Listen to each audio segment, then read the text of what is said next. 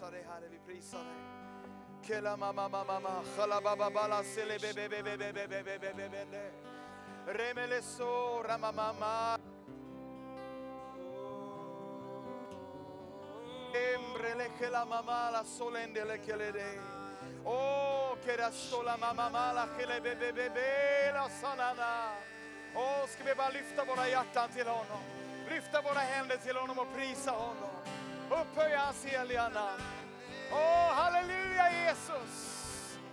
Halleluja Jesus. Åh, rakala sombre lendele kelembela. Malasala chile me me me me lo solo do. Åh, corastole me me me me me me. Carastole me me me me me me. Åh, Herre, vi prisar dig. Herre, vi tackar dig för den heliga Andes vind och den helige Andes vågor. Åh, vi kastar oss in i strömmen, Herre. Åh, vi står inte och tittar på och vi är inte nöjda med att gå in till vristerna eller till knäna eller till midjan. Vi vill kasta oss ut i den ström som du låter svepa, Herre. Åh, svep med oss, Herre. Svep med oss hela kristenheten i det som du, helige Ande, gör i Skandinavien och i Norden. Herre, nu ber vi dig den här speciella kvällen. Den här kvällen som du har tänkt så långt i förväg och som du har en dyrbar och vacker plan för, Herre. Vi ber dig att vi ska få drabbas av den heliga Ande ikväll. Vi ber att vi ska få dricka, Herre, ur de himmelska källorna. Och vi ber att du ska fylla oss, Herre, så vi kan gå ut i den här världen och vara ljus och salt och vara ambassadörer för ditt rike och för den helige Andes närhet. Profeter som får tala om, be över och kalla på det som ska komma. Och vi ber Herre för Sverige, Norge, Danmark, Finland och Island. Kom helige Ande! Kom helige Ande! Kom helige Ande! Kom helige Ande! Kom helige Ande! Kom helige Ande! Kom helige Ande! Herre, vi tackar dig för ord från himlen, Herre. Till var och en av dessa ledare, var och en av dessa tjänare, Gud. Tack att du talar till oss ikväll genom anden och genom ordet. Att du berör oss på det sätt som vi behöver bli berörda på, Herre. Vad vi bara säger till dig, Herre Gud, allt vad du har tänkt för den här kvällen. Allt vad du har önskat för våra liv och för vår framtid. Vi säger vårt ja och vårt amen. Vi inbjuder dig heligande, säg vad du vill, gör vad du vill. Verka som du vill, kom som du vill Herre. Åh, låt din vilja ske här ikväll Gud, så som den sker i himlen. Och vi tackar dig för detta. Prisar dig för det Gud. I Jesu namn. Och folket sa, ska vi ge Jesus ett jubel och en applåd här ikväll? Åh, halleluja, halleluja, halleluja. Åh, tack Jesus. Tack Jesus. Tack Jesus. Amen. Varsågod och sitt en liten stund. Uh. Så fantastiskt roligt att vara här ikväll. Eh, det känns som att jag går från väckelsevind till väckelsevind. Eh, jag heter Joakim Lundqvist, pastor på, i församlingen Livets Ord i, i Uppsala. Och vet du, för två, 12 veckor sedan nu, vi är inne på den tolfte veckan av en fantastisk besökelse av den heliga Ande. För 12 veckor sedan så dånade den heliga Ande ner i vår bibelskola. Han bad inte ens om lov, han bara kom. Han bara dundrade rakt in en helt vanlig lektion. En helt vanlig dag när en helt vanlig bibellärare står och har helt vanlig undervisning i en högst ovanlig bok som heter Bibeln. Och du vet, jag hade inte planerat det på det sättet, för du kan inte konstruera den helige Ande. Du kan liksom inte beställa honom på det sättet. Du kan be, men han kommer när, och, och han, när han vill och han gör vad han vill. Men plötsligt så bara ville han liksom. Plötsligt så bara dånade han rakt in i bibelskoleklassen och elever började profetera och möta Guds ande. Efter ett tag var hela bibelskoleklassen på golvet och mötte Gud. Vågor av hans härlighet och av andens gåvor som bara kom och förlöstes. Och ryktet gick i, i vår kyrka där många jobbar naturligtvis att någonting händer inne på bibelskolan. Och fler och fler började liksom glänta in på dörren och så fort man öppnade dörren och tittade in så kom den heliga hand över den personen. Och efter ett tag så bara låg det drivor av Livets ord medarbetare utslagna av den helige ande. Och sen dess har ingenting varit sig likt ska jag säga. Kära någon.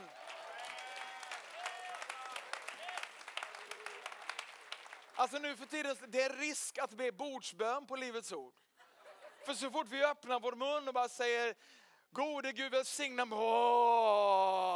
Så, så kommer Guds härlighet. Va? Och inte minst är jag så glad och så tacksam att, över att se hur Gud möter barnen, hur Gud möter ungdomarna, hur Gud möter de unga vuxna, hur Gud möter nästa generation. För vet du vad? För alla, alla vi andra, va? Vi behöver bli ommärkta och nymärkta hela tiden. Men det finns ingenting som är vackrare än att se en ung generation bli märkt för första gången.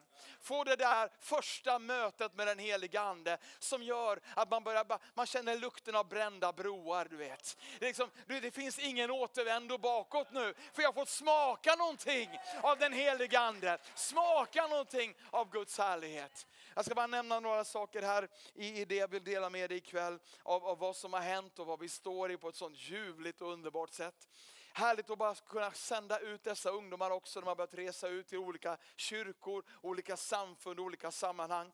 Imorgon bitti tar jag morgonflighten hem till, så jag hinner vara med på vår gudstjänst på Livets Ord i Uppsala. Vi ska be och välsigna 50 ungdomar som vi ska sända ut i hela landet och besöka olika gudstjänster, olika kyrkor och bara be om väckelsens eld och den heliga Andes vind. Åh, tack Jesus! Ljuvligt vad anden gör. Och jag fick ett ord för den här kvällen, att den heliga ande kommer att drabba dig. Den heliga ande kommer att drabba dig som vill bli drabbad. Men vet du, en av de första sakerna som hände när den här vågen av väckelse kom över vår församling var att det var en ung man som besökte vår kyrka för första gången. Eh, nej, för första gången på väldigt länge, på kanske 20 år eller någonting sånt där. Och han stod längst bak i vår kyrka och under lovsången, när Guds härlighet sänkte sig, så kände han plötsligt hur han blev blöt om fötterna. Och så tittade han ner och då ser han en ström vatten komma bakifrån. Och det här hände ju inte liksom i den fysiska verkligheten, men det var så levande för honom vad Gud visade honom, att han till och med kände eh, liksom, vad heter det, vätskan. Han till och med kände blötheten av vattnet som strömmade fram. Det kom bakifrån kyrkan och hela vägen fram. Och så såg han hur vattnet steg till vristerna, till knäna och till midjan. Och till sist såg han hur hela församlingen låg och guppade i vattnet och prisade Gud. Och åkte upp och ner i en härlig ström av den helige Ande. Och naturligtvis så relaterar ju det här till Hesekiel. Och Hesekiels syn om strömmen. Det var inte jag om strömmen som utgick ifrån Guds tron och hur profeten blev uppmanad att gå ut steg för steg för steg i strömmen. Gud kunde inte svepa honom med förrän han själv lät sig svepas med. Och så är det med den helige ande. Att han vill göra allt möjligt med oss men han står där och så väntar han på vårt tillstånd. Ska vi ge honom tillstånd ikväll? Ska vi bara säga ja helige ande? Ja helige ande. Åh tack Jesus. Tack Jesus. Vet du, jag har det så i mitt hjärta att Gud är på gång i våran del av världen. Där det är torrast, där brinner det som bäst. Och du vet, när den helige Ande sätter fyr på våra nordiska länder så kommer en eld att stiga upp från den här delen av världen som inte liknar någonting annat. Och om det nu är så att den helige Ande är på väg och att han är i färde och så mycket vittnar ju om detta, så viktigt också att vi är där vi ska vara i våra hjärtan.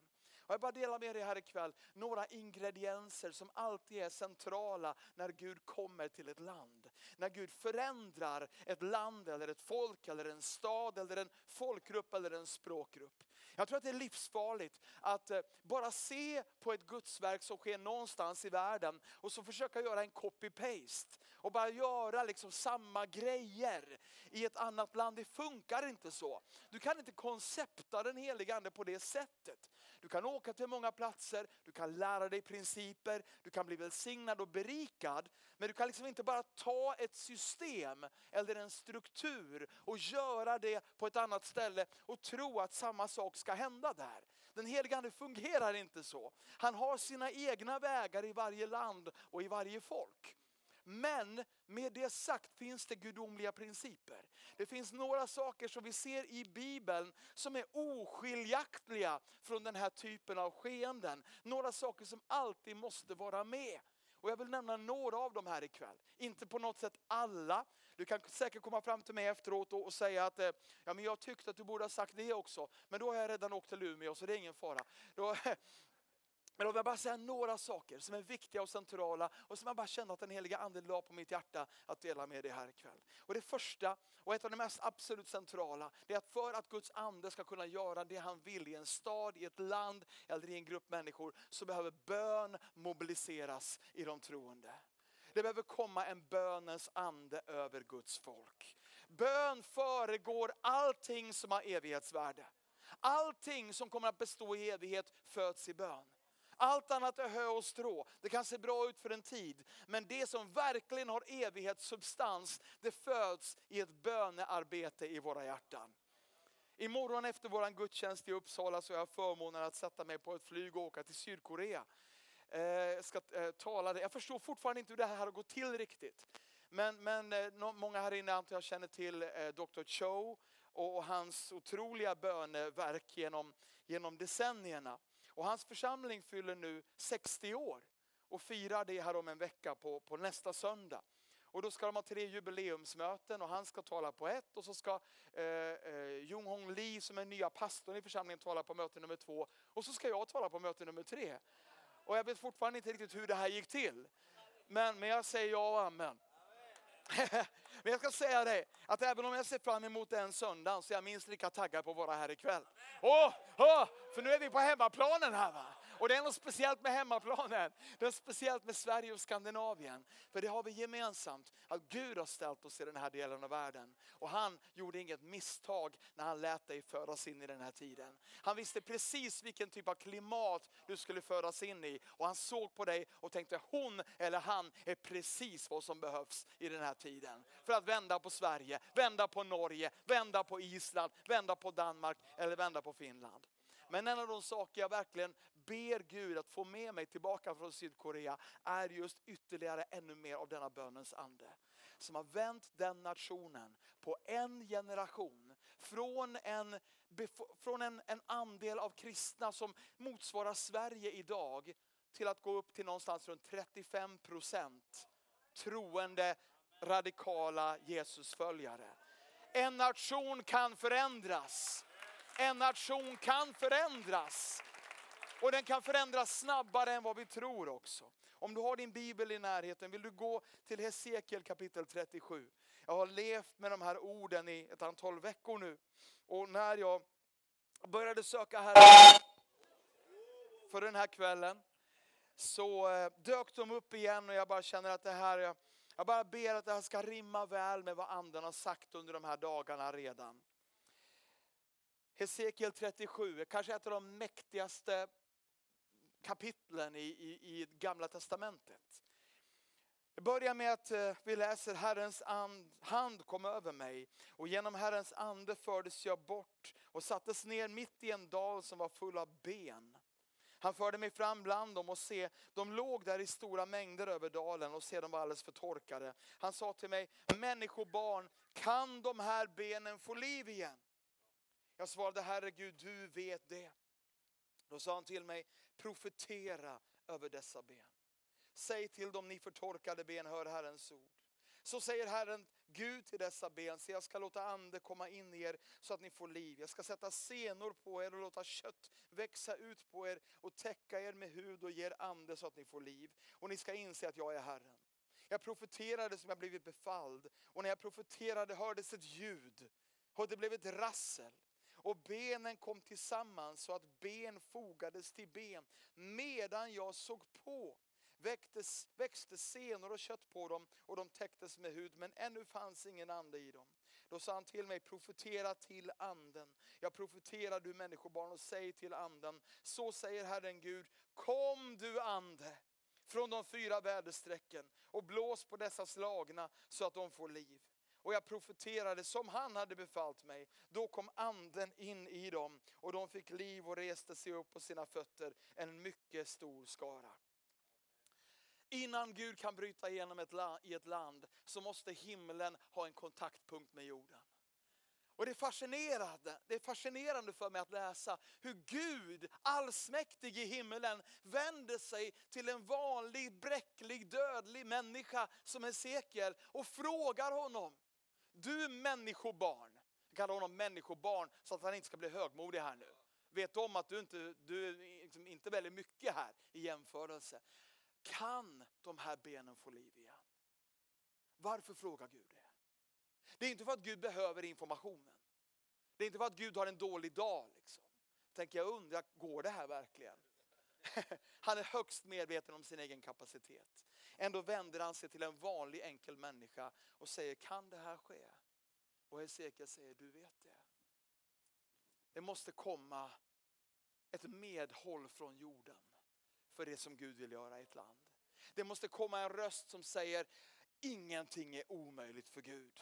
Det måste komma en röst som säger om det här landet någonting annat än vad media säger. Det måste komma en röst som talar tro in i åsynen av en massa döda ben. För vi kan välja som kristenhet, antingen gnäller vi lika mycket som alla andra, det är bara kristet gnäll.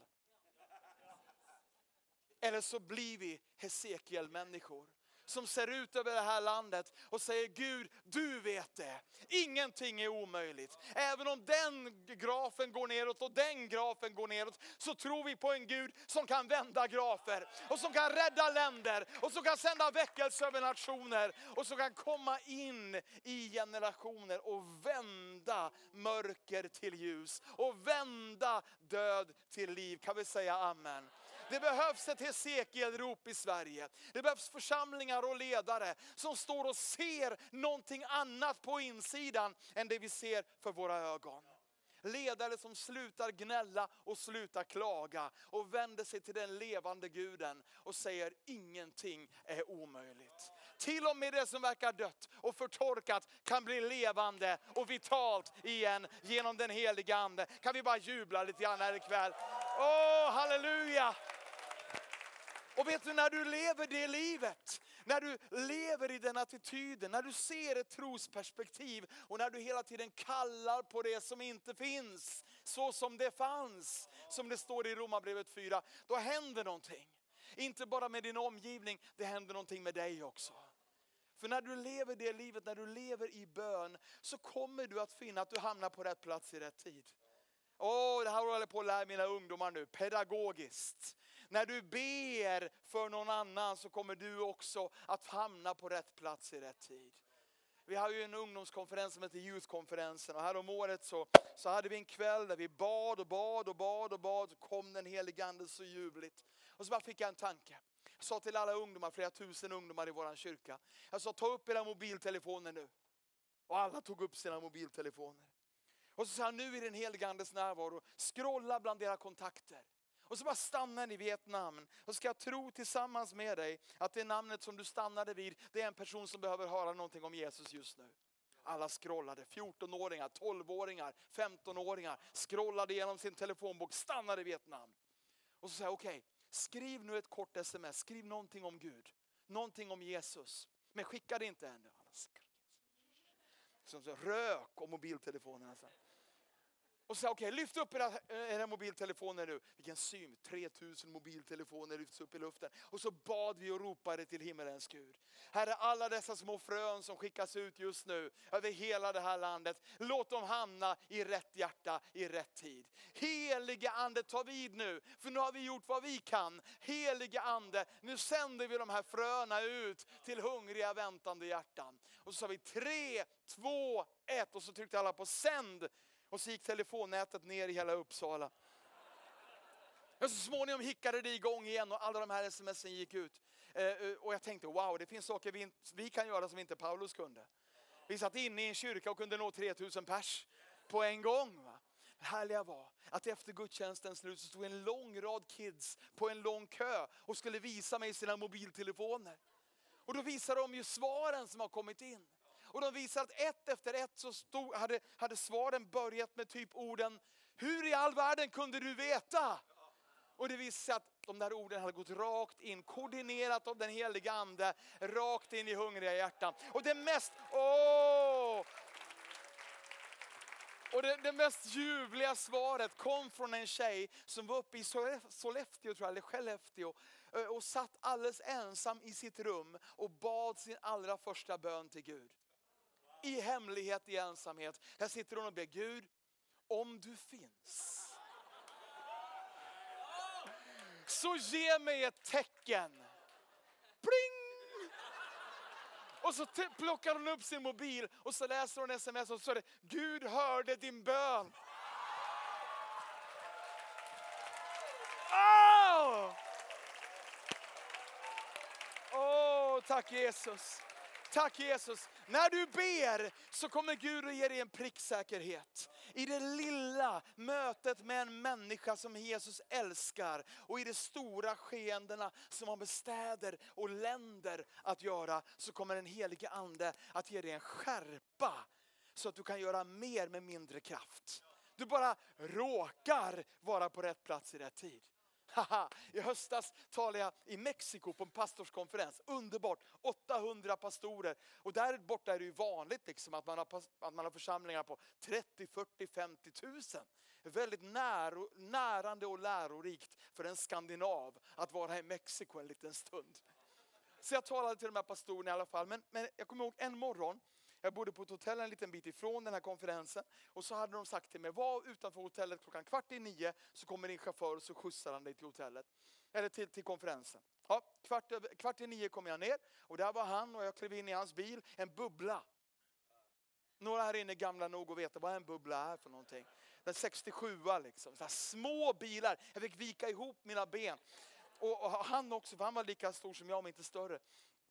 Och vi tuffade ut där på motorvägen i New Mexico. Jag tänkte, käre gode Gud, änglar, änglar, änglar. För det var en väldigt stor motorväg och en väldigt liten bil. Va? Så jag började konversera med honom och frågade vad han hette. Och så han hette George och kunde lite engelska så att vi kunde prata med varandra. Så frågade jag honom om familjen och hur det var och hur det var att bo i Mexiko och så vidare. Så frågade jag honom efter ett tag, vad gör du i din församling George? Vad, vad håller du på med? Vad, vad sysslar du med där? Han blev alldeles tyst.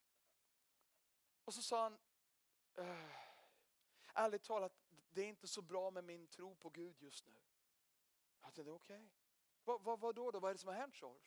Och så berättade han för mig att när han var liten och när han var ung så brann han för Jesus och var helt såld på Gud. Men, men så fattade han några felaktiga beslut i sitt liv och så gick han bort ifrån Gud. Och nu, det här var så länge sedan att nu var han helt övertygad om att Gud inte ville ha med honom att göra längre. Och jag sa George, Jesus är med oss här i bilen. Han står framför dig just nu med öppen famn och vet du vad? Hans kärlek till dig har aldrig någonsin tagit slut. Han längtar efter dig. Det finns nåd för dig Rosh. Dina synder kan bli förlåtna här i den här bilen. Han börjar gråta och grå. han grät så intensivt att hela bilen skakade. Så här. Jag sa, kör in till vägrenen Rosh. Låt oss stanna här en stund. Och så bara predikar jag för honom om Jesus, talar om Guds godhet, Guds nåd, Guds frälsning. Att Gud var bara en bön bort. Och så frågar jag honom, ska vi be tillsammans nu så får du ta emot Jesus George. Jag tog hans händer och så bad vi frälsningsbönen. Och så bad jag för honom att den helige ande skulle komma över honom. Och han började tala i tungor. Och vi satt inne i den här lilla bubblan och Guds ande var så stark. Jag fattar inte hur Guds ande fick plats.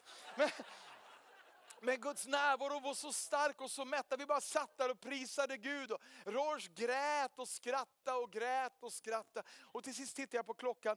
Vi var jätteförsenade till konferensen. Jag sa, Roche vi måste åka nu alltså. Vi måste göra det. Så, men, men skjutsa mig till konferensen så snabbt du kan. Men så kan vi fortsätta att prata efter mötet. Han tittade på mig. Och så sa han, vi, vi ska till flygplatsen. Så. han. Jag sa nej, nej, det är imorgon Josh, det är imorgon jag åker. Men det, jag har en dag kvar, jag ska tala idag också nu på konferensen. Så, så om du kan bara åka dit väldigt snabbt. Titta på mig. Vilken konferens. Och jag tittar tillbaka, absolut ingen aning om vad som händer. Och så säger han så här, jag kommer aldrig någonsin glömma det. Du är Mr Williams, eller hur?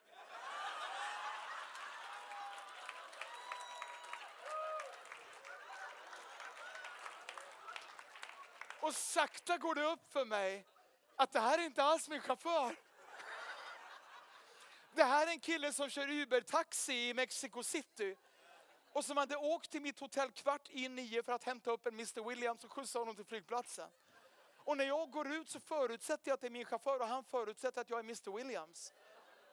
Och så plötsligt så frågar Mr Williams, hur har du det med Gud?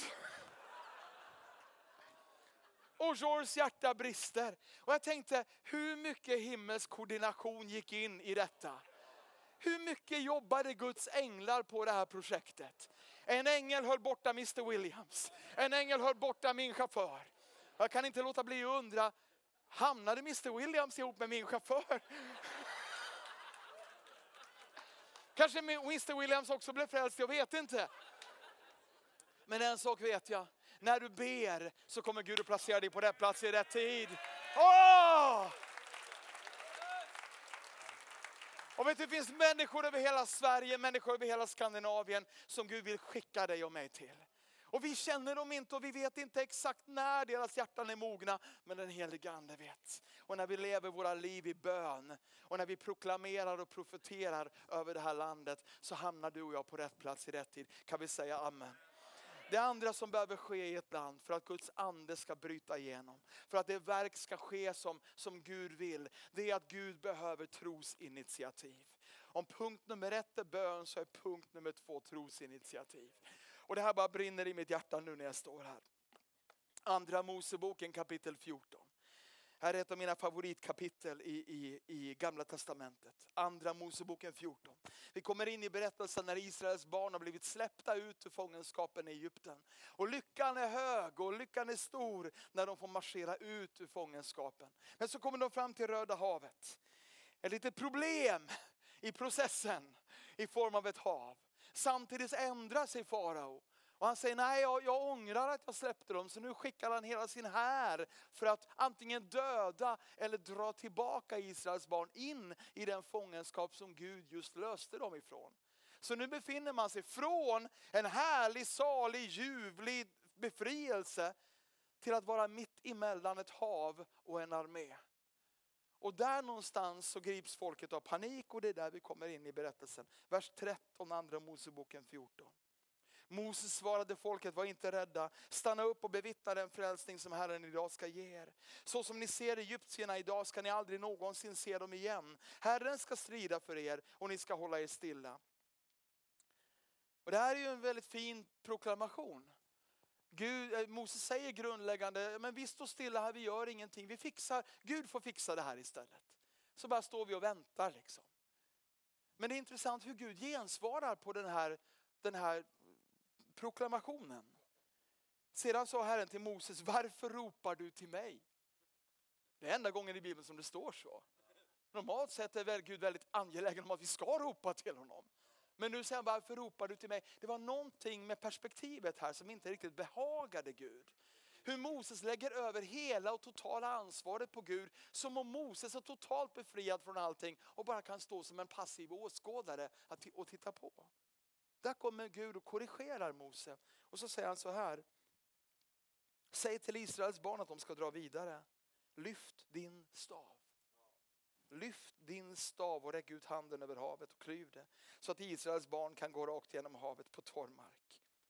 Vers 21. Och Mose räckte ut handen över havet och Herren drev då undan havet genom en stark östanvind som blåste hela natten. Vi vet vem den där östanvinden var. Han heter den helige Ande. Han gjorde havet till torrt land och vattnet klövs i tu. Israels barn gick rakt genom havet på torr mark medan vattnet stod som en mur till höger och vänster om dem. Gud behöver inte mycket från dig och mig, men han behöver att vi lyfter en stav. Tack Jesus. Vad är egentligen befallningen som Gud ger till Moses? Ta vad du har i din hand. Använd det du har nu. Stå inte och vänta på att imorgon när jag är duktigare och starkare, efter jag har gått tre år på bibelskola, då ska jag minsann börja följa dig. När jag blir miljonär ska jag ge tionde. Om du inte ger tionde nu, kommer du inte att ge tionde när du blir miljonär.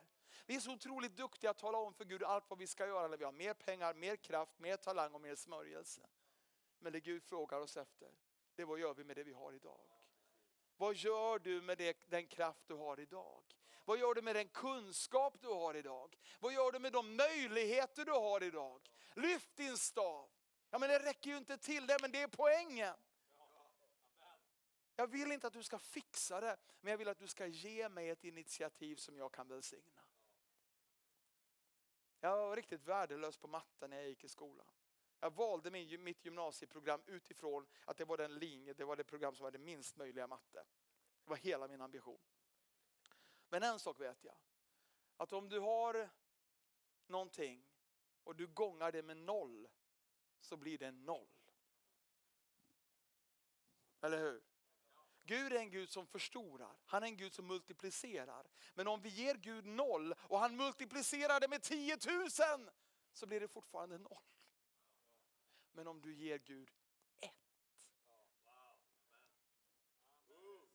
Om du ger Gud ett och han multiplicerar det med 10 000. Du behöver inte ha mycket, du behöver bara ha en stav. Frågan är vad gör du med den staven? Vad gör du med den kunskap du har? Vad gör du med de möjligheter du har? Lyft din stav och ge Gud ett initiativ som han kan välsigna. Kan vi säga amen? I höstas så, kom en, eh, så fick vi ett märkligt telefonsamtal till Livets Ord. Det kom från Nordkorea. Och du lystrar när Nordkorea ringer. Det var så att det var en delegation från Nordkorea som gjorde studiebesök i Sverige. Och de åkte runt och tittade hur Sverige funkar och vad man gör i Sverige och hur man lever i Sverige och så vidare. Men de ville göra ett studiebesök på en skola. Och de hade ringt olika skolor men ingen ville ta emot dem för man ville inte alliera sig eller liksom riskera att bli sammankopplad med den nordkoreanska diktaturen. Så till sist hade de kommit fram till Livets Ords kristna skola. Och frågade, får vi göra ett studiebesök hos er? Och skolan ringde mig, desperation, vad gör vi nu? Alltså, vi byggde inte den här kyrkan eller den här skolan för att stänga folk ute. Klart, för, klart de får komma. Alla är välkomna! Så någon vecka senare så kom en nordkoreansk delegation och gick omkring på Livets Ords kristna skola. Och, och en av våra missionskoordinatorer följde med dem hela dagen och fick en jättebra kontakt med dem. Och de var helt saliga, det var fantastiskt. Intressant att nordkoreaner gillar kristna skolor men inte Sveriges regering. Men det är en annan sak.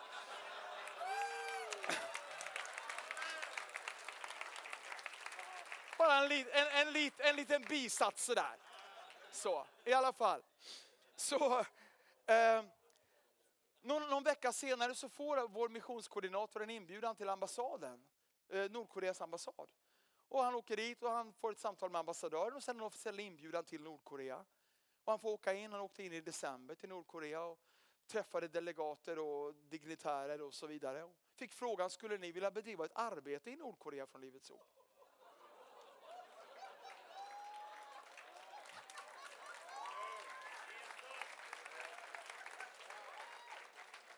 Ni vet, det finns en lista, Open Doors lista över de 50 mest stängda länderna i världen. Vi har som ambition att vara i allihopa. Okay? Vi är i 25-26 stycken nu utifrån Livets Ords arbete. Jag har sagt till min församling, vi kommer aldrig att starta en församling på Bahamas. Det är inte vår grej. Ge oss en machete och lite regnskog. Ge oss lite utmaning. Ge oss de där länderna som ingen annan åker till. Ge oss de här andliga bergsbygderna som, vi, som kräver lite grann. Och som vi behöver tro på Gud och behöver en helig ande. Och Nordkorea toppar ju den där listan. Så vi sa, ja men det kan vi tänka oss.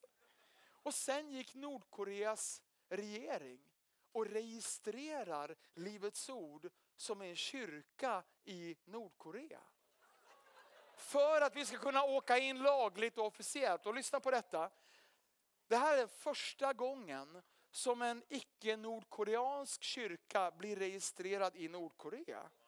Så plötsligt så finns Livets Ord i Nordkorea utan att vi ens har startat det.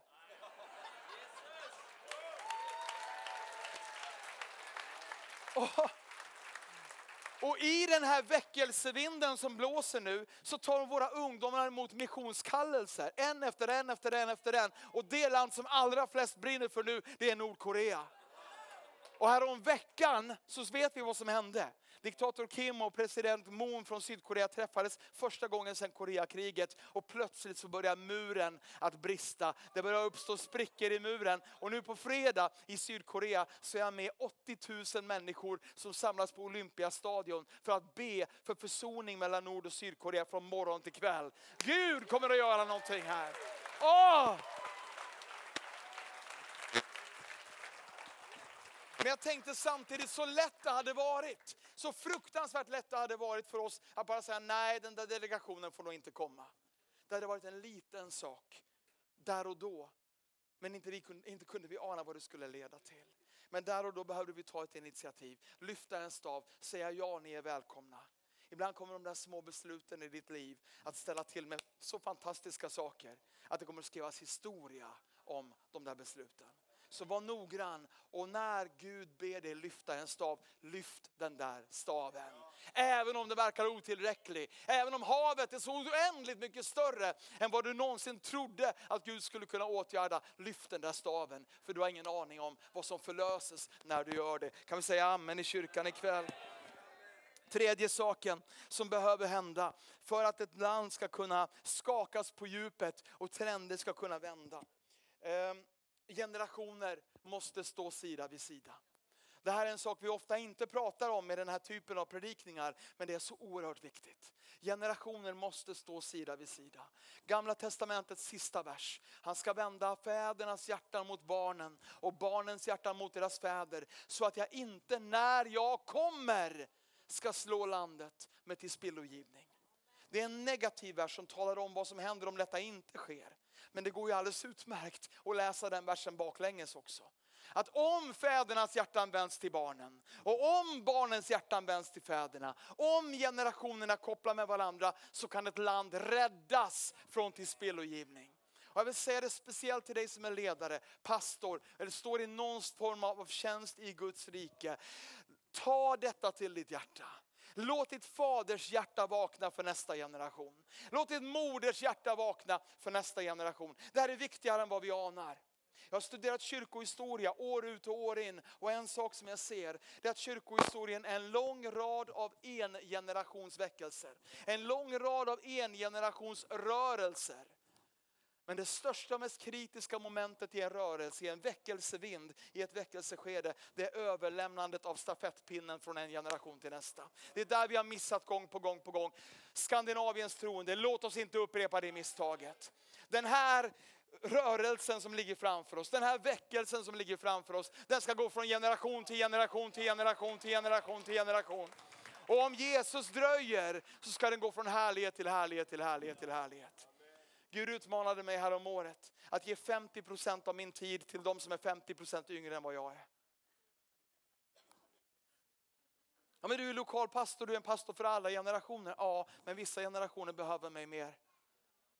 Barnen, de unga, de unga vuxna. För att inte missa generationskopplingen. Det finns en berättelse i Lukas 1 om Maria som får höra från himlen att hennes liv är mycket, mycket mer värt än vad hon någonsin kunde ana. Gabriel kommer till honom och berättar att hon ska föra Guds son till jorden. Och där står hon så på, wow! Jag har inte ens varit med någon man, nej men den helige ande. Det är alltid Guds svar på omöjligheter. Den helige ande, den helige ande, den helige ande. Och sen bävar den här lilla tonårsflickan och säger, jag är Herrens tjänarinna, låt det ske med mig. Hon får sitt första reella gudsmöte. Men så avstannar det hela, det står ängeln lämnade henne. Ungdomskonferensen tog slut. Och nu står den här lilla tonåren medveten om att något stort har hänt men lite desillusionerad.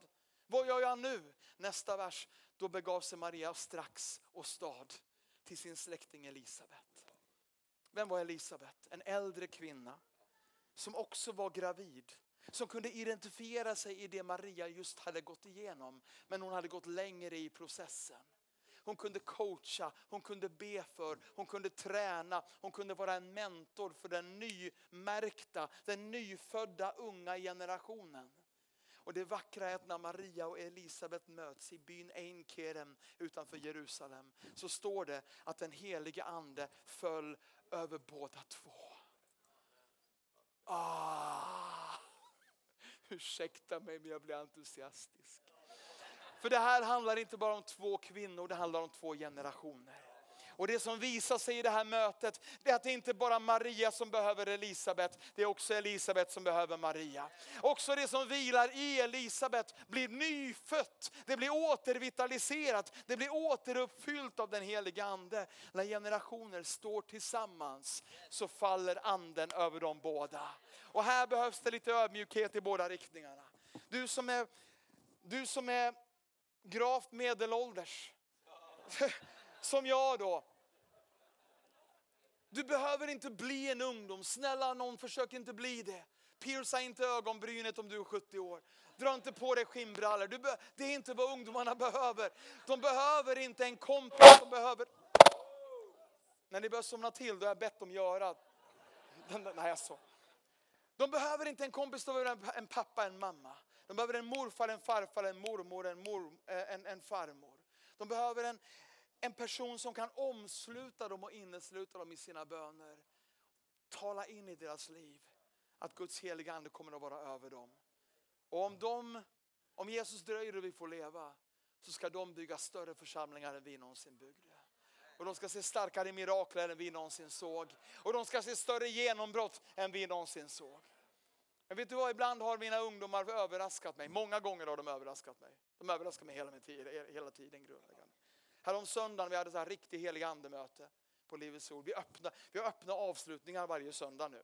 Vi säger ni som vill gå hem, gå hem och om ni behöver gå hem så gå hem men alla andra stanna kvar och möt Gud. Och sen ber jag våra ungdomar komma fram och be för alla människor som, som, som vill komma fram.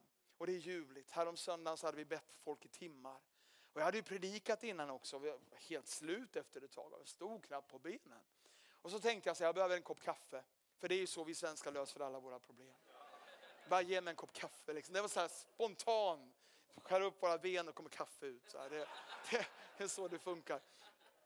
Men så, var, så var tänkte jag, plötsligt så kom en ny tanke. Så jag, kanske inte, inte det är kaffe jag behöver. Kanske jag behöver bara lite andlig påfyllning. Så jag vände mig om till några av våra kids där hemma. En kille som var 19, en kille som var 20. Jag gick fram till dem och så. De la händerna på mig. Jag gick i golvet som en klubbad säl. Jag låg där på, på mage och bara mötte Gud i hans härlighet och bara kände att det blev tyngre och tyngre och tyngre och tyngre. Först trodde jag det var bara anden, men så berättade min andepastor Janne efteråt att jag hade en så här fotbollsmålshög på mig av ungdomar, 15 stycken typ, som, som låg på mig och bara bad och bad och bad och bad och bad. Jag hade en kille som bad in i det örat och en annan som bad in i det örat. Och så plötsligt när jag ligger där under Guds kraft så har jag båda två säga exakt samtidigt, så säger Herren. Och så börjar de profetera exakt samma profetia i varsitt öra. Stereoprofetia. Åh! Oh! Du som är 20 och mer, vänd dig om och se, finns det någon som kommer efter dig som du kan träna? Finns det någon som kommer efter dig som du kan välsigna? Finns det någon som kommer efter dig som du kan be för och vara en andlig far och mor för? Låt oss inte upprepa det misstaget som har upprepats gång på gång i kyrkohistorien. Låt oss koppla generationerna och se till att ge nästa generation den bästa förutsättningar som de bara kan få. Att springa så långt de bara kan för Jesus i det här landet. Kan vi säga amen? Låt mig bara avsluta med det fjärde också. Sedan jag har sagt bönens ande, sedan jag har sagt ehm, eh, trosinitiativ, sedan jag har sagt generationer som står sida vid sida. Fjärde, han heter den helige ande. Utan den helige ande händer ingenting som har bestående värde. Men med den helige ande kan precis vad som helst hända. Och jag bara känner den helige ande vill bara komma över oss ikväll. Helige ande vill uppliva tron. Han vill ge dig ett nytt perspektiv, ett nytt Hesekiel-perspektiv. Så att du kan se ut över det som är de döda benen i ditt liv och i det du arbetar med och bara se en potential mitt i problemet. Åh, tack Jesus. Jag kommer ihåg när flyktingströmmen kom. Och så mycket negativism förlöstes över det här landet. Alla gnällde och var rädda och klagade. Och förstå mig rätt, jag säger inte att vi ska vara naiva och, och okunniga om riskerna som, som naturligtvis den här situationen också för med sig. Men jag tror i Jesu namn att i varje problem finns en potential. Jag tror i Jesu namn att i varje utmaning finns en möjlighet. Och jag kommer ihåg när flyktingströmmen kom in i Sverige för ett och ett halvt år sedan, hur, två och ett halvt år sedan, hur Herrens ande vid en bönestund utmanade mig. Och han sa Joakim, vill du bygga en trosförsamling eller en fruktansförsamling? Jag sa, sir jag vill bygga en trosförsamling. Jag vill låta det vi gör och det vi arbetar med präglas av en tro på Gud. Och då måste jag tro Gud om att det finns en potential i den här situationen. Att människor som tidigare inte kunde nås med evangeliet för de var någonstans inne i Iran eller Afghanistan plötsligt kan nås med evangeliet och bli berörda. Så jag kommer ihåg vi satte upp ett, en så här stor, eh, stort banner på Livets ords kyrka. Det stod Refugees welcome. Och flyktingar började strömma in i vår kyrka. Vi hade en välkommen till, välkommen till Sverigefest. Och vi tänkte, får vi 100 muslimer till vår kyrka för den här festen så är det fantastiskt. 471 kom. Plötsligt uppfylls hela vår kyrka av muslimer som börjar möta Gud. Och så börjar detta ske när vi delar evangeliet med dem så börjar Jesus själv söka dem i drömmar och visioner. Och vi har sett mer mirakel ske bland dessa människor under de senaste två och ett halvt åren än jag någonsin kan komma ihåg att vi har sett i någon annan folkgrupp i vår historia. 70 procent av dem vi döper idag är nyfrälsta muslimer som har kommit till tro på Jesus Kristus. För en tid sedan klev Jesus in i en lägenhet där det satt 17 muslimer i Uppsala. Alla såg honom. Han predikade evangeliet personligen. Och sen bad han en frälsningsbön med dem allihopa. Och sen sa han att de skulle gå till Livets Ord, vilket jag tyckte var jätteskönt. Och så kommer plötsligt den här skaran människor och vi har inte gjort någonting men den heliga ande har gjort någonting. Tack Jesus. Jag tror vi ska förvänta oss från djupet av våra hjärtan en ny våg av Guds övernaturliga kraft över kristenheten. Någonstans börjar det med att vi hungrar och att vi törstar. En av de här flyktingarna, en 25-årig kille från Irak, hamnade för något år sedan i Gävle av alla ställen. Hela hans familj är kvar i Irak, han sitter alldeles ensam i Gävle. Men så plötsligt, för det här var i somras nu, så började han få drömmar på kvällarna. Och han ser samma dröm varje, varje natt. Han ser en stor lokal med flera tusen människor som står så här. Och han är muslim, har aldrig varit i kontakt med någonting kristet och kan inte relatera till varför de står så här. Så, men samma dröm återkom kväll efter kväll och han tänkte det måste ju betyda någonting. Så han började gå omkring på gatorna i Gävle och fråga folk, vet ni om en lokal som är väldigt stor där folk står så här? Ni vet, gå omkring på gatorna och fråga folk i allmänhet, som vi gör här i Sverige. Gå fram till främlingar och sådär och prata med dem. Det är som vi är jättebra på. En god vän till mig som heter Brad från Australien, han flyttade hit för att gå på vår bibelskola. Och han fattar inte hur Sverige funkar. Så han gick in första gången han klev in i en grön buss i Uppsala. Så satt, gick han in och skulle han åka med den här bussen. Och så satt det en kvinna längst ner med en tidning så här. Och då tänkte han, ja men då går jag och sätter mig bredvid henne för då kan vi prata med varandra. Och så går han och sätter sig bredvid den här kvinnan. Och så säger han hej. Och kvinnan tar sakta ner sin tidning och tittar på honom. Och så tittar hon på alla tomma platserna i bussen. Där han borde ha satt sig. Och så tittar hon tillbaka på honom och bara skakar på huvudet och döljer ansiktet i tidningen. Så i alla fall den här 25-åriga muslimen går omkring i Gävle och frågar folk, känner ni till en stor plats där folk står så här? Ingen har en aning om vad han pratar om.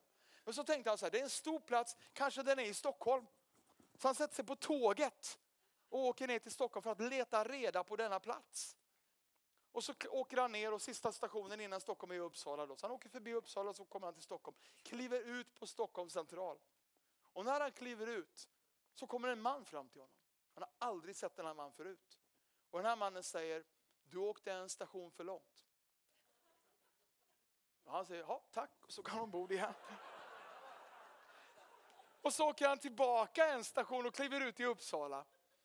Och så går han fram till någon random Uppsalabo och säger, vet du om en plats som är jättestor och där folk står så här? Och han säger, ja men det är ju Livets Ord. Det ligger...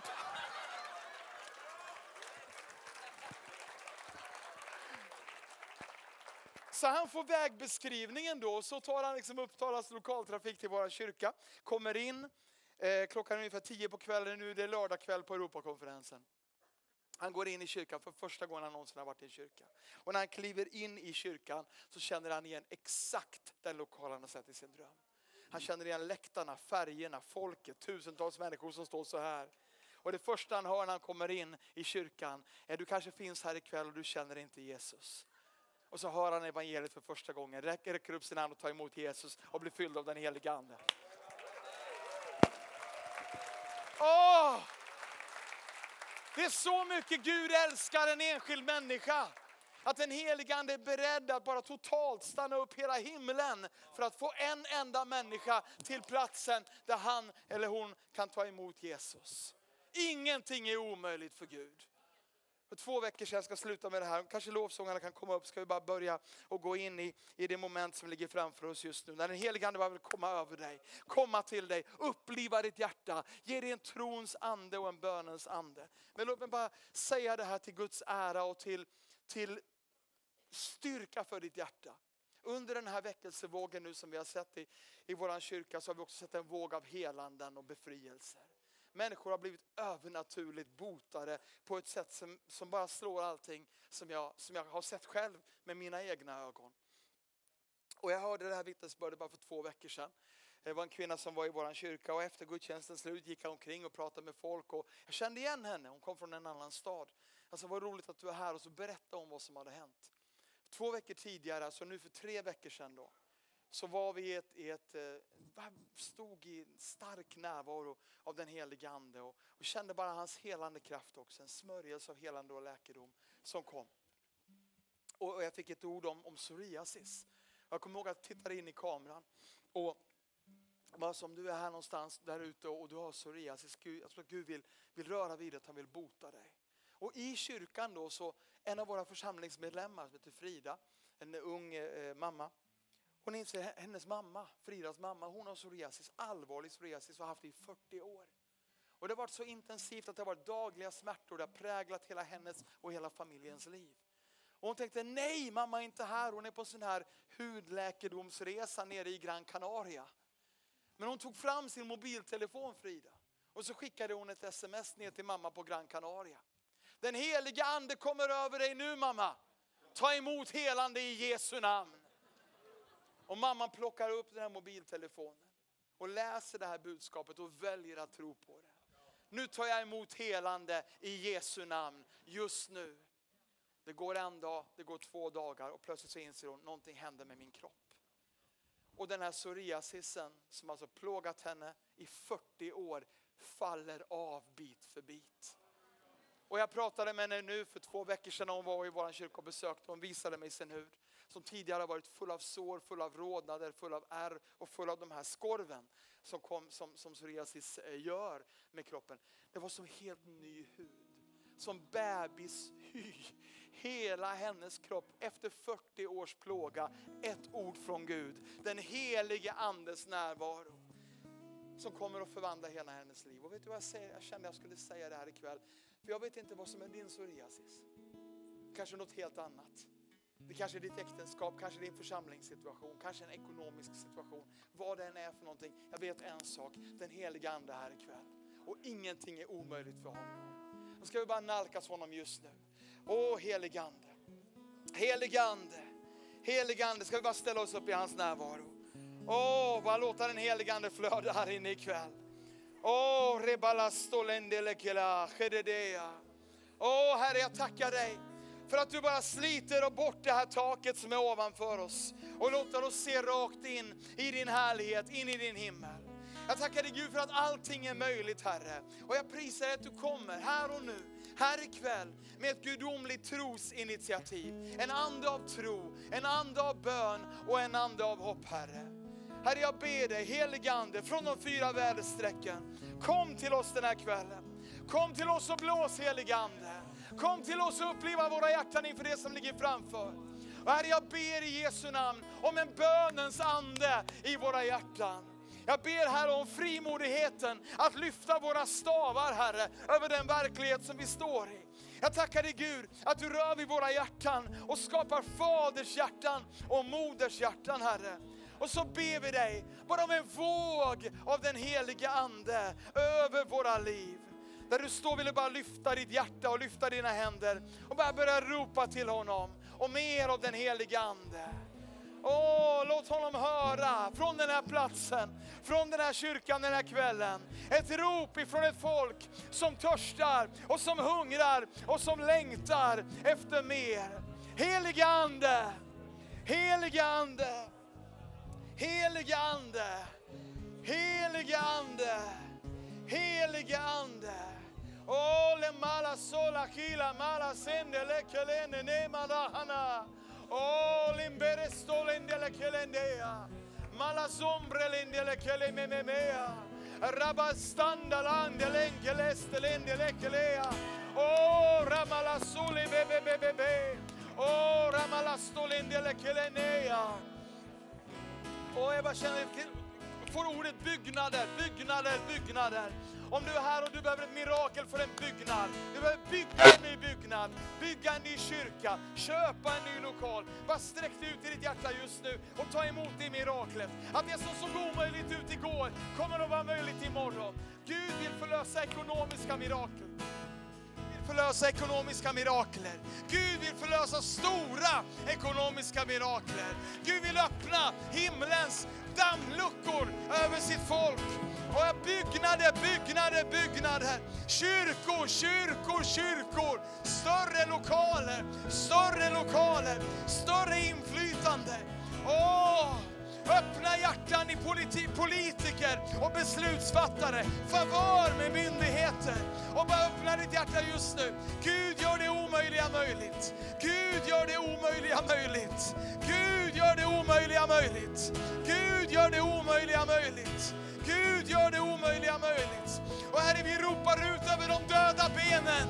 Vi ropar ut över de döda benen att ingenting är omöjligt för Gud.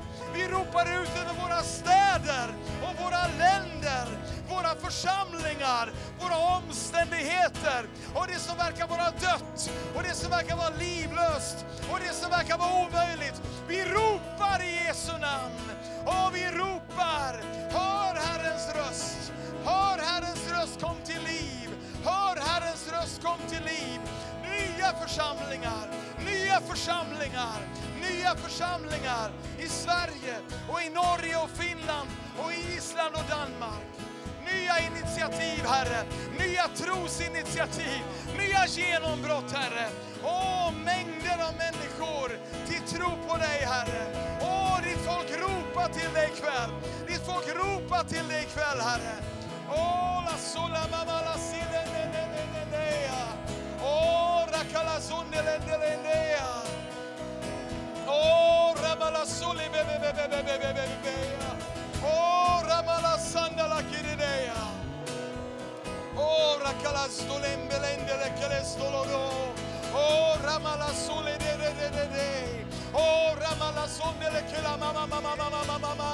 Åh, rekela mama mama solinea. Embrelende le kela na bakarada. Åh, nya missionskallelser, nya missionskallelser, nya missionskallelser, apostolisk smörjelse för nya genombrott.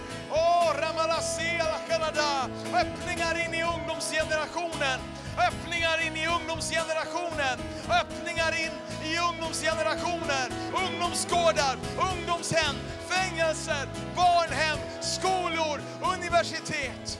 Ramalasile keledevera solanamamanda. Åh, rakastolodo. Bara profetera där du står. Profetera över din egen verklighet. Åh, rastole kila mamamara sondea. Åh, rakalazanda la kelenea. Malasole menemenemene rostolodo. Karazala mamamala kiredea. Åh, rakalazanda la keledea. Åh, heligande, heligande, heligande, heligande, heligande.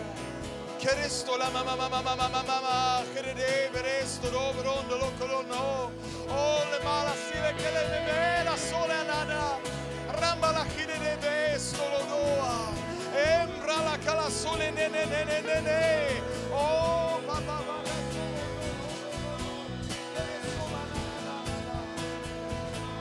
Oh, che resto le ne ne ne ne ne ne ne Oh, Halleluja, halleluja. Tack Jesus, tack Jesus, tack Jesus. Åh, halleluja. Och jag bara känner så så,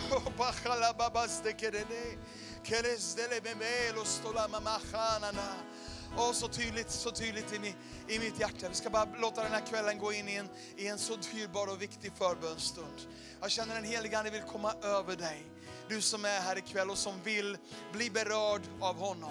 Det finns människor här ikväll som kommer att komma ut i Andens gåvor. Och har du inte varit ute och fungerat i Andens gåvor så kommer du kunna göra det. Om du inte har gjort det på länge så kommer mer av Andens gåvor över dig. Eller bara det genombrott du behöver. Oavsett var du är ifrån, var du står i någonstans. Den helige Ande vill förlösa någonting över ditt liv. Och om du känner att det här gensvarar i ditt hjärta. Ja, jag behöver möta den helige Ande.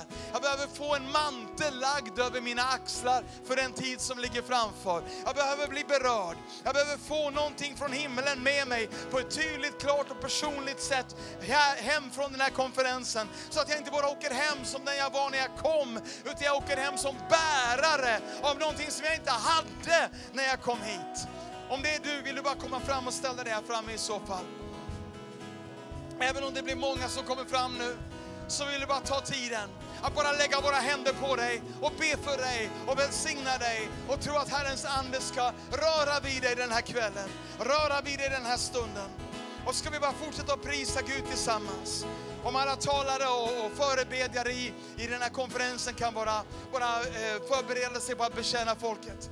Men innan vi börjar be, innan vi börjar be, bara över hela lokalen, ska vi bara lyfta våra händer till honom. Och dina lyfta händer ikväll får bara signalera en, ett hjärtats bön till den högste. Att även om jag har upplevt någonting så, har jag inte, så är jag inte mätt. Åh, jag vill ha mer, jag längtar efter mer och så länge det finns mer att få så vill jag ha mer. Så vill jag ha mer, så vill jag ha mer. Där du står bara börja ropa ut till Gud just nu. Oh, la sole bela cher, kommer en helig ande. Kommer en helig ande över dig, kommer en helig ande över dig. Åh, nådegåvor, nya drömmar, nya visioner, vårregn över torr mark. Åh, helige ande, helige ande, större drömmar, större drömmar, stavar som ska räckas ut över hav. Åh, profetiska böner som ska bes. Åh, helige ande, Helige ande, Helige ande, helige ande, öppna våra ögon. Öppna våra hjärtas ögon, Herre, så vi ser någonting vackrare än det vi sett förut. Någonting större än det vi har sett förut, Herre. Utvidga våra hjärtan, förnya våra drömmar. Lägg ner visioner, Herre. Större visioner, större visioner.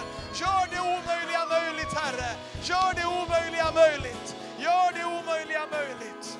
Och låt oss bara be för de här bröderna och systrarna och gå ut och bara lägga händerna på dem under det att vi prisar Gud tillsammans.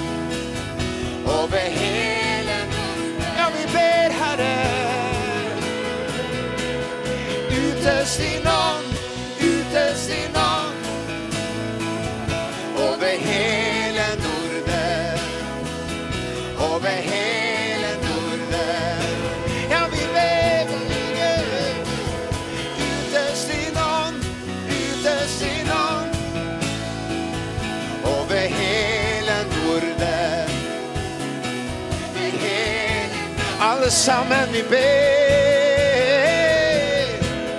Utös i nån, utös i nån över hela Norden, över hela Norden. Utös i nån, utös i nån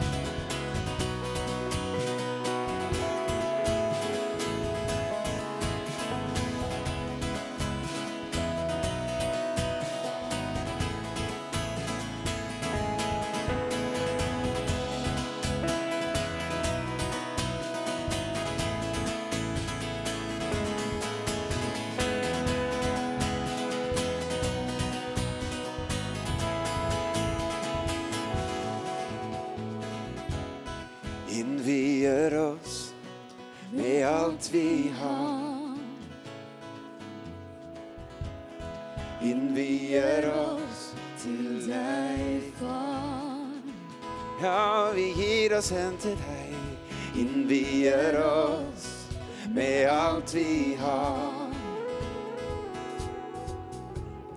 Invier oss till dig, Far. Ja, vi invier oss med allt vi har.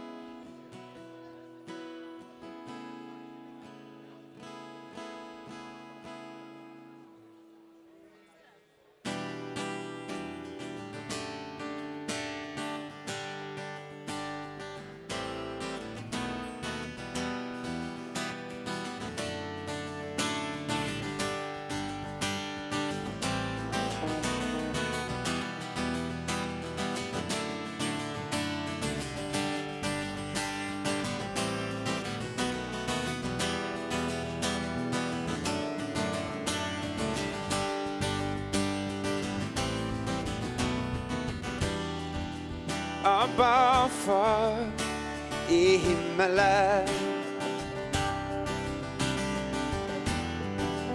Låt ditt namn hålla sig liv. Låt ditt rike komma. Låt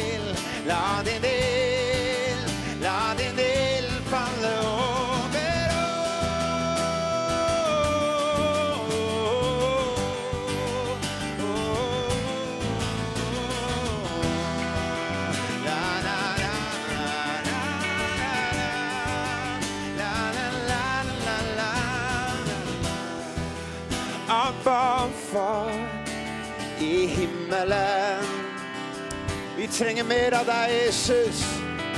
Vi tränger mer av dig. Vi omvänder oss från lunkenhet. Omvänder oss från lunkenhet. Se din brud rejse sig.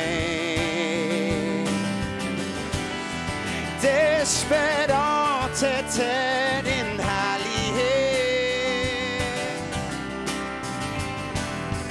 Gjennomsyr oss med din ånd. Så tegn og under følger oss. Så tegn og under følger oss som tror. Gå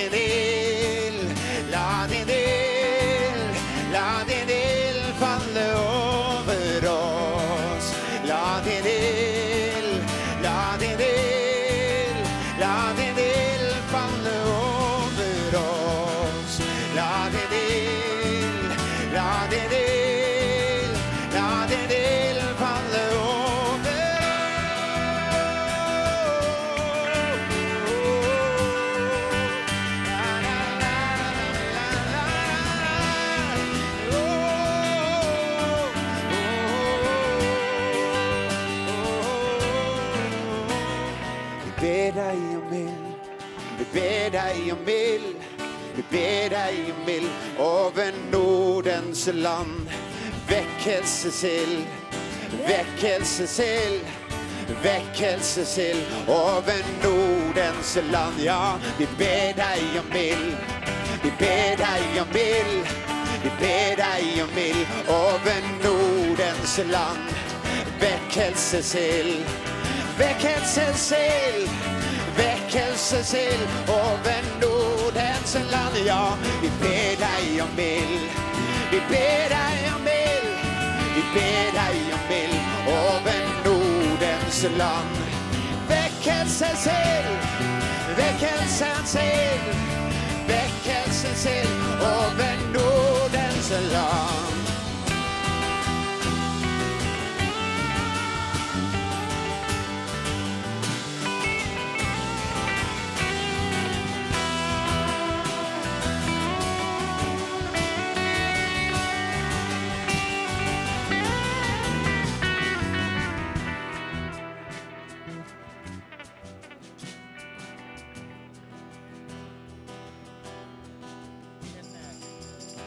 Du som bränner, la oss bränna. Du som ser, la oss se. Du som älskar, la oss älska med en samme kärlighet. Du som bränner, la oss bränna. Du som ser, la oss se. Du som älskar, la oss älska med den samme kärlighet. Du som bränner, la oss bränna. Du som ser, la oss se. Du som älskar, la oss älska med den samme kärlighet. Ja, du som bränner, la oss bränna. Du som ser, la oss se. Du som älskar,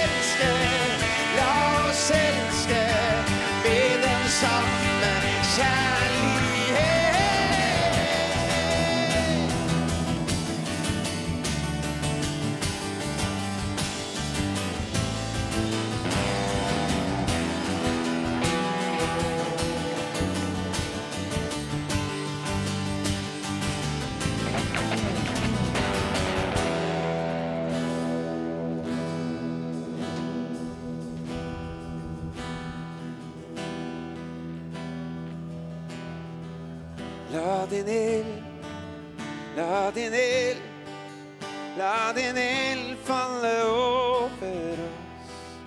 La din eld, la din eld, la din eld falla över oss.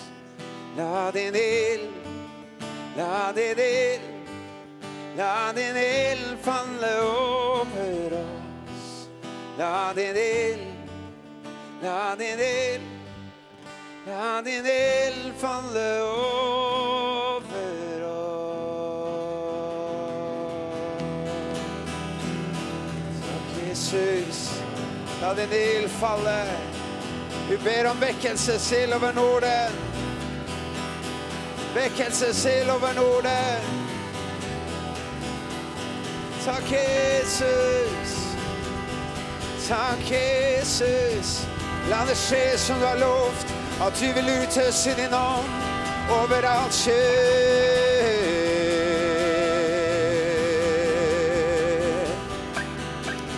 Landet sker.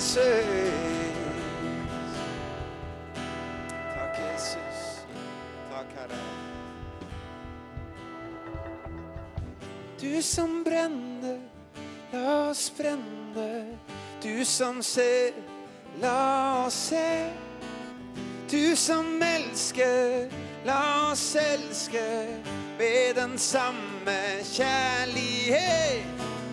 Du som bränner, la oss bränna. Du som ser, la oss se. Du som älskar, la oss älska med den samme kärlighet. Du som bränner, Lars oss bränna. Du som ser, Lars är se.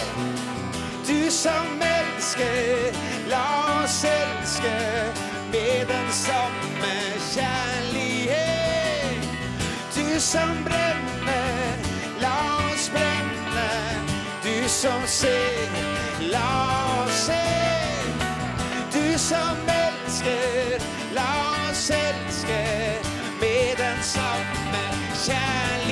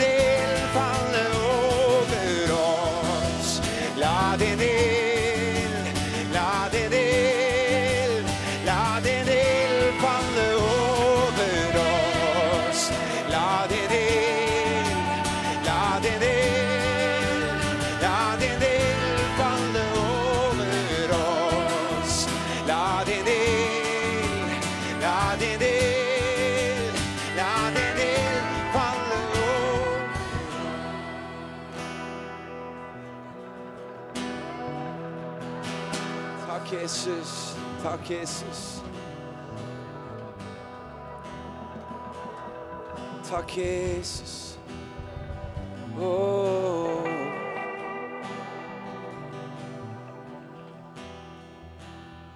Oh, yes. Det är frihet i ditt namn.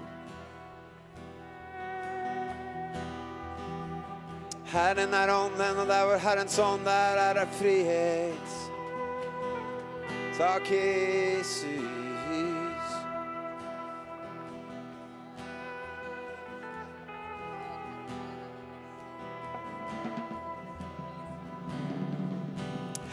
Herren är onden och där Herrens son är, där är det frihet.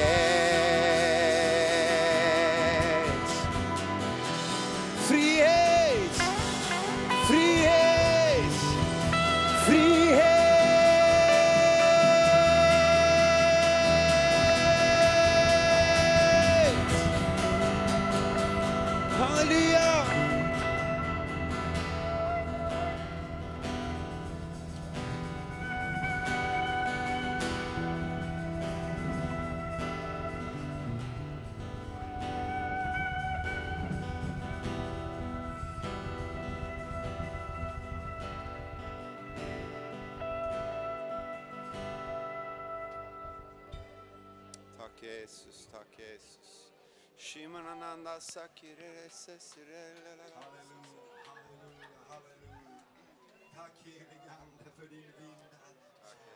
tack att när vi ödmjukar oss under dig och din mäktiga arm, Herre. Åh, då låter du din vind blåsa, du låter din olja flöda.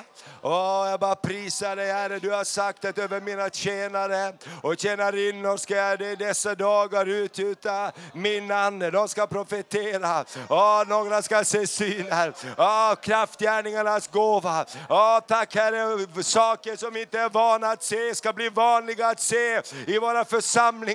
Åh, jag bara prisar dig för det. Åh, jag bara prisar dig för det. Åh, jag bara pri, vi bara prisar dig. Åh, kebe sikaralamaya. Åh, låt oss bara ge Jesus en stor applåd och bara jubla. Åh!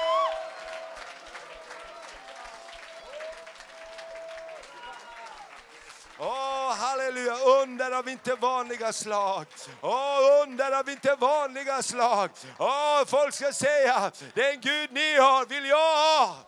Åh, den Gud ni tjänar vill jag tjäna. Åh, vi bara prisar dig. Vi bara prisar dig, Herre. Åh, vi bara prisar dig. Fresh anointing for a new time. Fresh anointing for a new time. Fresh anointing for a new time. Halleluja, vi rör oss in i en ny tid. Vi rör oss in i en ny tid. Vi rör oss in i en ny tid över Norden, över världen. Jesus kommer snart tillbaks, en Messias generation. Åh, vi ska vara så hungriga efter att bära smörjelsen, efter att bära åh, Jesus till den här världen. Åh, så vi är beredda att göra vad än krävs. Åh, för det blir det viktigaste. Det blir det viktigaste. Det blir det viktigaste. Åh, jag bara prisar dig Herre. Tack för vad du gör. Tack för vad du gör. Halleluja, halleluja, halleluja. Åh, vi tackar dig, vi tackar. Halleluja, halleluja.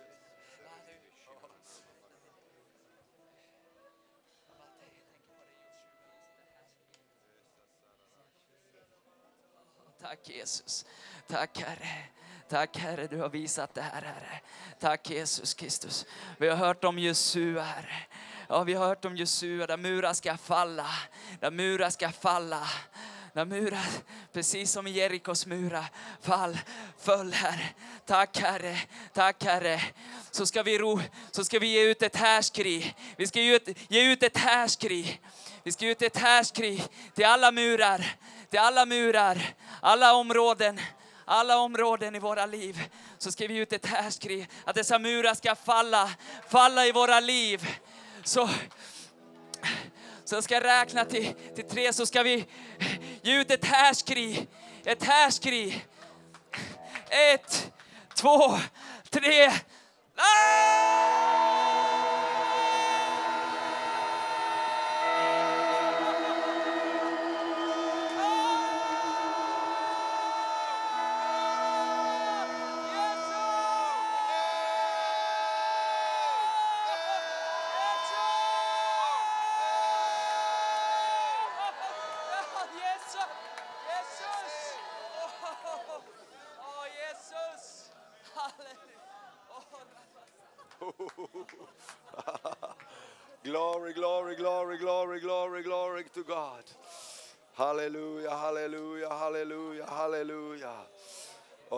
Vi fick från Herren att vi skulle avsluta den här kvällen när vi planerade den med att fira nattvard tillsammans.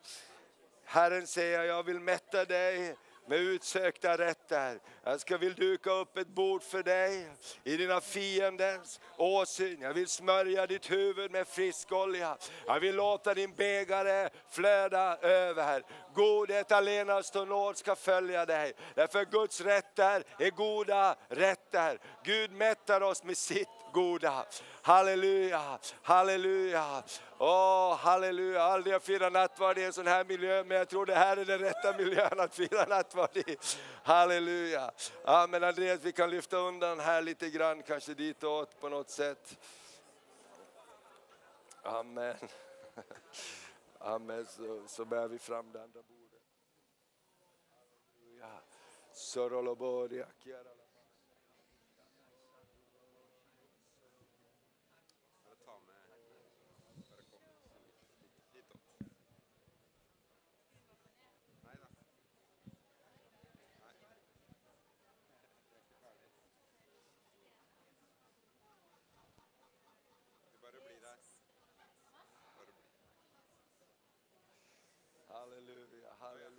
Halleluja. Shakaralabadia. Åh, vi prisar dig, vi prisar dig, vi prisar Ja, bara bli kvar. Ja. Ska vi sjunga helig, helig, helig Herren Sebaot?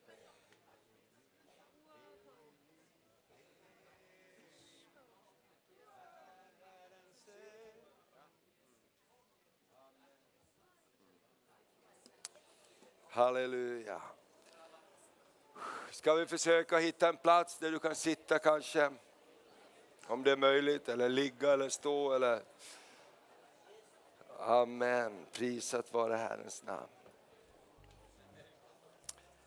Åh, vi tackar dig Herre. Kibaralamandaria. Åh, halleluja. Jag ska se om jag har några glasögon här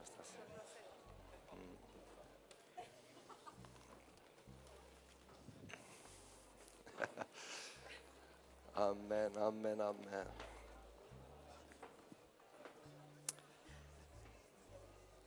Wow. Tack Jesus.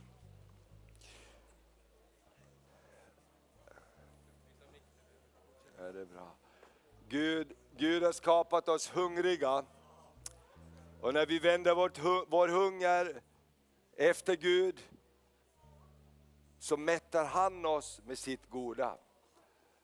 Och när vi vänder vår hunger som Gud har lagt i våra hjärtan efter någonting annat, det är då det inte blir så bra. När vi försöker fylla det med en massa saker.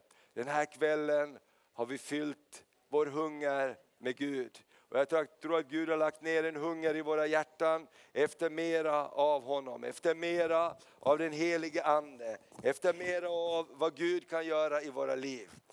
Jag tror att du kom hit lite hungrig till den här konferensen åtminstone så är det med mig. Men jag kommer att gå från den här konferensen mera hungrig än jag kom hit. Amen. Halleluja. Tack Jesus för vad du gör i våra liv. Halleluja, tack för din hunger. Amen. Och Herren har gjort något helt fantastiskt. Han, han har sagt, glöm inte vad jag gjorde på korset. Glöm inte vad jag gjorde för er. Och Gud är så fantastiskt pedagogisk så han gav oss nattvarden. Nattvarden är ett uttryck för när Gud räddade hela sitt folk genom ett litet lamm. Gud sa, gör er redo, jag ska rädda er. Jag Tror det går bra med den här nu? De hör inte mig där borta i kafeterian och dricker kaffe, säger Josef. Amen, men det går bra. Amen. Ja, det går bra, jag ska fortsätta. Okej. Amen. Så den här måltiden som, Jesus, som, som Gud sa till sitt folk, ta ett lamm, ta det, ställ det mitt ibland er. Av lammets blod ska ni stryka på dörrposterna och lammets blod, av det lilla lammet så ska jag rädda hela ert folk. Och av dess kött ska ni ta och äta som färdkost på vägen. Och det här är en bild på Jesus som dog på korset för oss. Hans blod renar oss. Hans blod eh, täcker all vår brist. Och det är så underbart med Jesu blod, det bara inte täcker utan det står att det borttar vår synd. Amen. Och det är något underbart att fira nattvard, att påminna sig själv, det är inte jag utan det är han. Amen. Det är inte vad du har gjort eller låtit bli att göra utan det är vad han har gjort för dig. Och när vi kommer ihåg det, när vi äter av brödet och dricker av vinet så är det Jesus i dig, Jesus i oss. Amen. Och, och eh, så här står det i första Korinthierbrevet, elfte kapitlet. Jag har själv tagit emot från Herren vad jag meddelar er. Den natt då Jesus blev förrådd så tog han ett bröd och han tackade Gud. Han bröt det och han sa, det här är min kropp som är utgiven för er.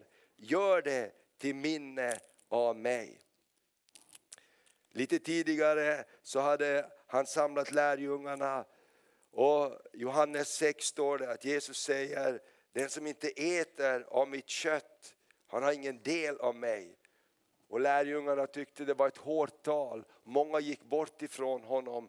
Och Jesus sa till lärjungarna, ska också ni gå? Men de sa, till vem skulle vi gå? Du har det eviga livets ord. Amen. Och, och, och de fattar inte riktigt vad Jesus menar. För Jesus talar också om sitt blod, att de skulle dricka det. Men den här kvällen när Jesus tar brödet och han tar vinet, då fattar de vad han talar om. Och så säger Jesus, på samma sätt så tog han en bägare efter måltiden och han sa, denna bägare är det nya förbundet i mitt blod. Så ofta ni dricker av den, gör det till minne av mig. Till så ofta ni äter detta bröd och dricker av denna bägare så förkunnar ni Herrens död till dess att han kommer. Och den som därför äter brödet eller dricker Herrens bägare på ett ovärdigt sätt, han syndar mot Herrens kropp och blod. Var och en ska pröva sig själv och så äta av brödet och dricka av bägaren. Till den som äter och dricker utan att urskilja Herrens kropp, han äter och dricker en dom över sig. Därför finns det många svaga och sjuka bland er och ganska många insomnade. Om vi gick till rätta med oss själva skulle vi inte bli dömda. Men när vi döms så fostrar vi av Herren för att inte vi ska bli fördömda tillsammans med världen. Och den här helgen har handlat om de här sakerna att lägga undan det som inte behagar Gud och göra rätt saker i rätt tid. Därför är nattvarden ingenting som vi tar lätt på. Nattvarden är Jesus Kristus som påminner oss själva, det jag gjorde för er, det gäller idag. Amen. Och när vi äter och dricker av brödet så bara pedagogiskt så kan vi bara känna Jesus, du bor i mig och jag tillhör dig. Jag tar emot nattvarden i tro. Nattvarden det är, det är inga magiska saker, men nattvarden har en fantastisk kraft när vi sätter tro till den. Amen. Du vet Israels stammar, det står att det var ingen som stapplade när de åt av det här. Och jag tror att det finns läkedom, det finns befrielse. Och jag tror framförallt så finns det en bekräftelse när vi tar nattvarden. Jesus, jag är din helt och hållet. Du dog för mig. Amen. Tack Herre för dina gåvor. Tack att vi har fått helga oss den här helgen. Tack att vi har bara fått lägga ner vårt eget och vi har fått eh, bara erkänna vårt fulla beroende av dig. Tackar vi dig att när vi äter och dricker av, av blodet och av brödet här, av, av vinet som representerar den du är för oss idag. Tack att du kommer och mättar oss med ditt goda. Tackar dig Herre för att bara du bekräftar tillhörigheten i förbundet också. Det är en förbundsmåltid. Jesus du gjorde allt för oss. Halleluja, nu vill vi bara ta emot det ifrån dig. Ska vi resa på oss och så sjunger vi med den sång som det står att pågår i himlen. Helig, helig, helig. Helig, helig, helig är Herren Sebaot. Helig, helig, helig är Herren Sebaot. Hela jorden är full av hans härlighet.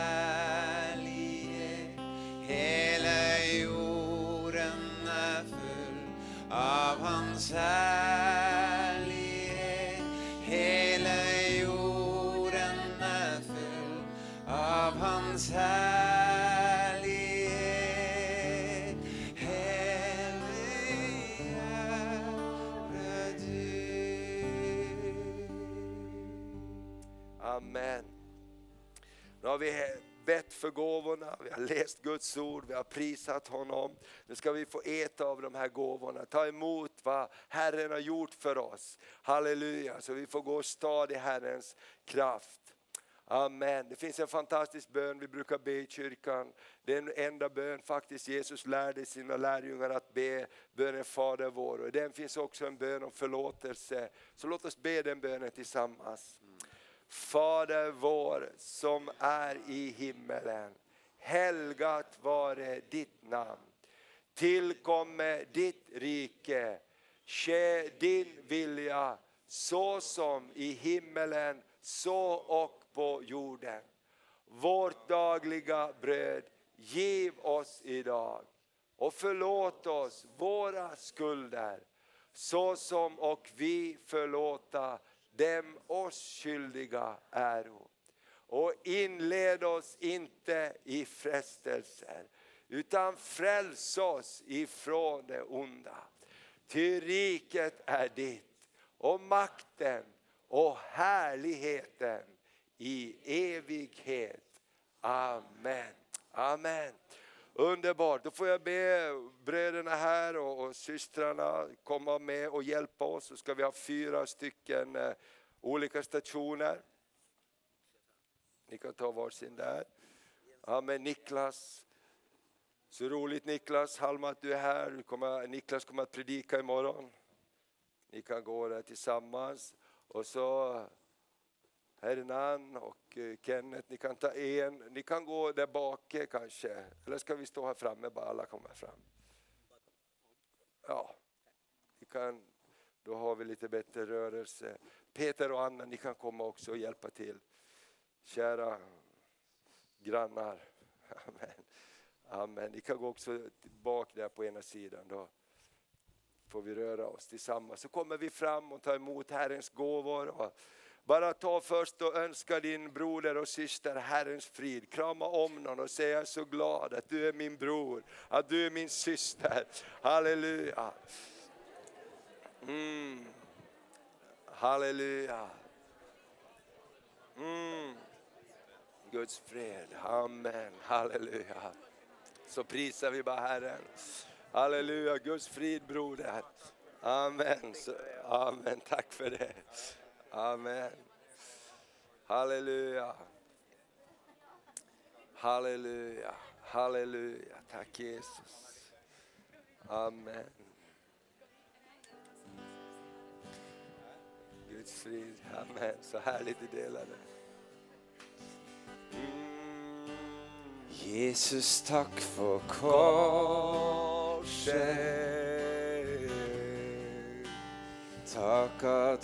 Betalade allt. Du bar all min synd och skam. Din kärlek har gett mig nåde stor. Tack för denna kärlighet får in en nagle så. Renset mig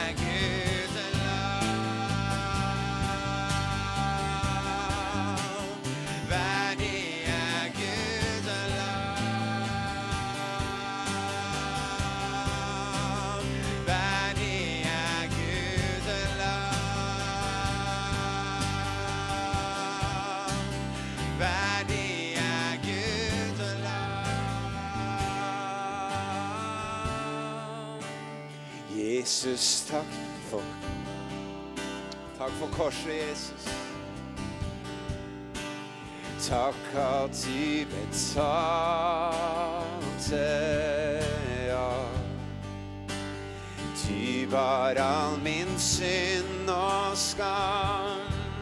Din kärlek har gett mig nåde stor.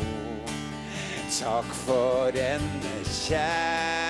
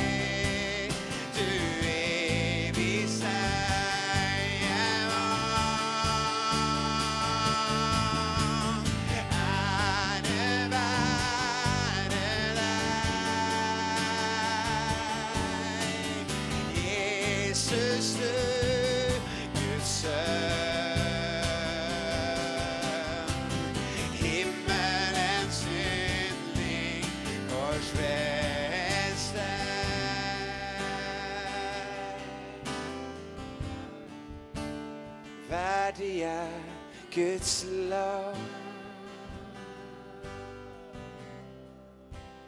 Värdig Guds love.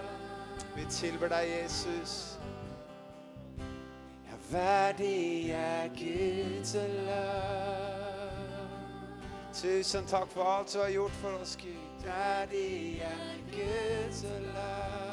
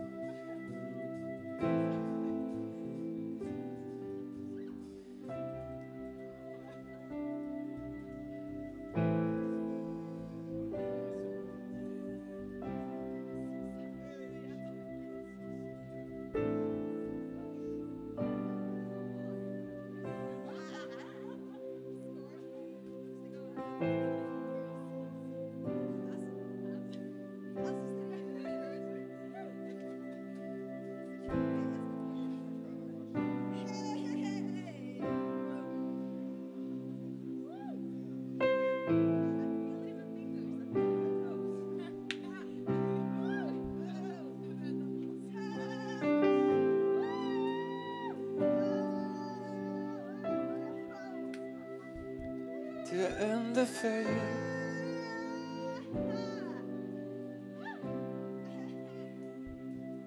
Du är underfull, i allt du är och gör.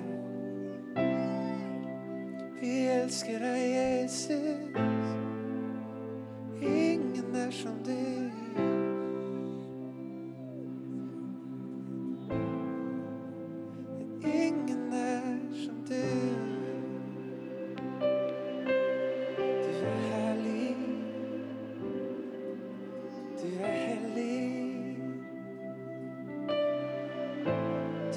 säkrare än någonsin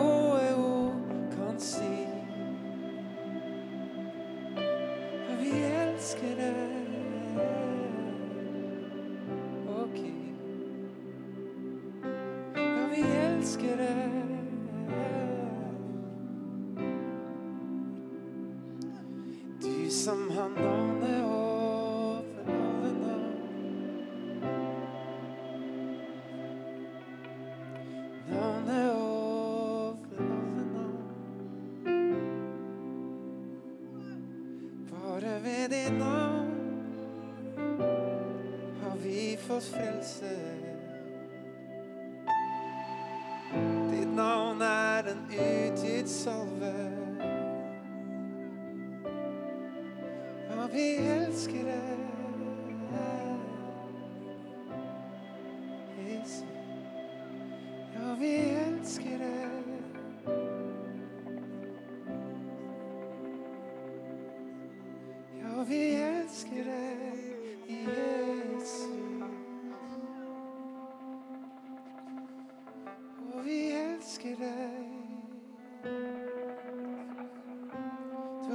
före hjärtat.